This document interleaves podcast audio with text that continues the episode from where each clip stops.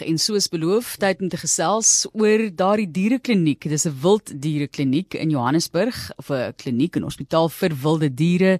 En al die pasiënte word gratis behandel en Dr. Karin Lourens is saam met ons op die lyn, eienaar en mede-stigter van die Johannesburg Wildlife Veterinary Hospital. Baie welkom dokter.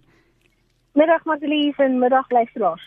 So kom ons gesels net gou vinnig oor die feit dat daar 'n aparte hospitaal en 'n aparte dierekliniek nodig is vir wildlewe. Dis natuurlik 'n totale spesialisrigting en verskil geweldig sekerlik van die katte en die honde en daardie tipe van dierehantering en selfs perde wat daarbey ingesluit kan word. Ja, nee, verseker. Ag, die die rede hoekom ons klein en en en medium wild doen is um daar's soveel uh, veeartse en nog soveel organisasies wat groot wil doen soos renosters en olifante en ehm um, daai tipe diere en baie keer vergeet mense van die van die kleiner wild soos muskeljaatkatte en tierboskatte en ja, you know, soos vleermuise. Daai tipe van goed. So onder dat daar is rehabilitasiesentrums vir wild in in Johannesburg, uh, in Gauteng, maar daar's nêrens een wat 'n veearts ook by het nie. Ek en Nikki Wright, die ander ehm um, mede-eienaar of stigter van van ons organisasie, het lank terug bymekaar gekom en gesê ons het so iets definitief nodig. Ehm um, so ons het so 4 jaar terug die hospitaal begin. So as ons nou gesels oor die fokus van die hospitaal, ek meen ek dink aan ander tipe van praktyke en ander spesialiteite van dokters waar daar dalk nou nie operasies gevoer word nie, maar net gediagnoseer word ensovoorts. So presies wat doen julle by die hospitaal? Twee dele. Ons is die die die dierhospitaal en dan ons ook 'n rehabilitasie sentrum vir wildlewe. So dis netjie right se se deel van die van die hospitaal. So wat ons doen as ons iets kry wat beseer is, kan die hospitaal dit behandel. Ons het ehm um, twee veeartse en 'n uh, verpleegster. Ehm um, ons kan alles doen van ehm um, operasies, ons het bloedtoetsmasjiene, alles. Soos 'n gewone dierhospitaal, maar ons werk nou net met wild en dan die rehabilitasie deel is sodra die dier gesond is om hom so te kry dat hy weer vrygelaat kan word in die natuur. Kom ons gesels 'n bietjie oor van die gevalle wat julle nou al daar gehad het, van die mees interessante gevalle en wat hierdie diere onderlede het wanneer hulle by julle aankom. Sjoe, uh dis nog 'n groot vraag. Ag een van die uh, interessanter diere wat ons kry is die Itermago. Ehm um, hulle is verskriklik, I mean endangered bedreig, in die wêreld. Ehm um, ja, baie bedreig, dis dis beter woord. En um, ons is die enigste hospitaal in die land eh, wat hulle langtermyn kan behandel. So ons kry hulle in gewoonlik ehm um, as dit die polisie 'n sting operasie gehad het.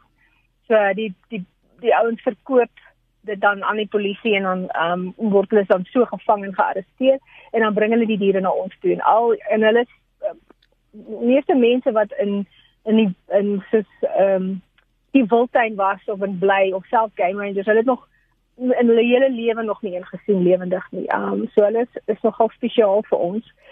Ehm um, en dan kry ons die algemene goed soos 'n vleermuis, mense het uh, so kat bring die vleermuis in of ons het 'n oomblik 'n marabou wat vasgevlieg het in 'n uh, Eskom uh, kraglyn en so 'n flamink. ons het 11 luislange op die oomblik wat gekonfiskeer is deur die NSPCA. Sjoe. Wat ons behandel. So ja, interessant vir jou en interessant vir my is nie altyd dieselfde nie. Ehm um, maar ek moet sê elke dag is anders. So elke dag het ons iets interessants wat net. Ek wens ek kon die oulikste oulikste ou molletjie wat deur ons kat gevang is na jou toe bring oh, want dit was my dit het my dit het my hart gebreek. Ek kan nie vir jou beskryf nie. Hier kom die kat in met hierdie mol. Is tog 'n wilde dier dink ek en ek mense vergeet hoe klein en oulik hulle is. Die arme ding se opvoetjies is so opgetrek het. Ek my so so geraak, maar ja, goed, dis nou nie Ek moet sê, ek hou baie van hulle. Hulle maak net ja, die grasperke is 'n nagmerrie met die arme molle. Maar kom ons gesels 'n bietjie oor die hulp wat julle ook nodig het. Alles word gratis gedoen. Hoekom het julle besluit om gratis behandeling te gee? Natuurlik is daar nie iemand wat hierdie arme dier verteenwoordig of dan nou hopelik nie, ja, hopelik is hulle vry en word hulle nie besit nie, maar dit is 'n nee. groot uitdaging. Ja, dit is presies hoekom, want ehm um, die diere het nie eienaars nie.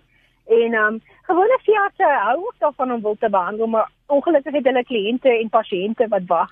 So hulle kan nie al hulle tyd spandeer byvoorbeeld om 'n Adidas se vlerk te spalk of penne en skroewe en goeders in te sit om 'n gebreekte vlek reg te maak nie. So daar's regtig 'n was dit is regtig nodig dat ons hierdie tipe ding doen. En so werk net met donasies, ehm um, van groot corporates tot gewone mense ehm um, wat vir ons ehm um, help om om die deure oop te hou.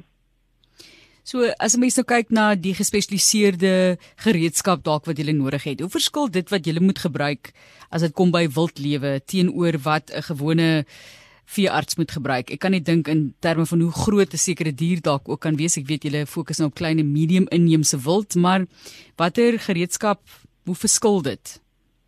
Nee, dit is eintlik dieselfde. Uh vir al die klein diere, uh, ons as jy nou met renosters en olifante en en luiperds en daai tipe goed werk, jy spesialis uh hokke nodig sodat hulle nie uit kan kom en jou volonteërs eet nie. Uh maar gelukkig meeste van ons in die bloedmasjiene wat ons gebruik is dieselfde, die teater, uh, al die al die gereedskap in die teater wat ons gebruik is dieselfde. So dit is baie keer dieselfde. So dit dit kos omtrent dieselfde as 'n gewone dierehospitaal vir klein diere. Daardie vlermuis wat jy vroeër na verwys het, daar is die interessantste gevalle soos jy sê wat jy nou al teëgekom het. Hoe wil jy hê as dokter moet ons wildlewe behandel. In die eerste plek wil mense nie te naby aan hulle kom natuurlik nie vir beide se veiligheid, maar gee net vir ons 'n idee. Jy weet en ek wil nou nie hier oor COVID begin praat nie want dis 'n hele ander storie, maar die die toegang of die nabyheid van sekere wildlewe wat siektes ook kan oordra aan die mens ja. en ons aan hulle. Baie skaars om van wildlewe af iets te kry. Um, goed soos hondstolheid kan meeste mense eintlik nie net van honde en katte kry, want dis die algemeenste diere wat dit het. Uh, in vleermuise in Suid-Afrika is nie regtig 'n probleem met sulke tipe van goed nie, maar ons het 'n ons telefoonlyn het, het altyd iemand wat hom antwoord 24 ure 'n dag. So as jy iets in jou huis het wat jou bekommer en jy weet nie wat om daarmee te doen nie of dit spesier of jy weet nie hoe om hom te vang nie, ehm um, of jy is bekommerd oor oor iets wat jy kan kry of gee vir die dier, dan kan jy mense net ons bel. Ehm um, ons kan enige tyd help en ons help baie keer mense so ver as Uganda ehm um, en en die ehm um, Kongo en daai tipe van goed. So ons werk nie net in Suid-Afrika nie. gaan ver ver oor ons grense ook natuurlik waar jy wil lewe wil. Help net laasens dokter Lourens hoekom het jy besluit om 'n veearts te word vir wildlewe hoekom spesifiek daardie spesialis rigting Ehm um, ek het lank terug vir Nikki ontmoet het ek sy by 'n wildlewe um, rehabilitasiesentrum gewerk. En ek het daar begin ehm um, volunteer. En ek het net gesien ek alhoewel ek baie hou van honde en katte en ek is mal oor hulle, is dit ek wil net bietjie meer van 'n verskil maak en ek dink as mens hierdie tipe van goed doen dan maak jy tog 'n verskil in daai dier se lewe. Um wat kan vrygelaat word. Al is dit nou net 'n vleermuis of 'n duif of ag nee, kan iets cool wees soos dit maar goh, maar dit maak so 'n verskil in daai dier se lewe. Um, en dis wat ek graag wou doen. Ja, weer eens daar's nie 'n rasieleier vir baie van hierdie diere nie. Jy weet daar's niemand nee, wat vir hulle gaan opstaan nee. sommer nie. So hulle het vir jou nodig en vir Nikki ook. Ons sê dankie vir die werk wat julle doen.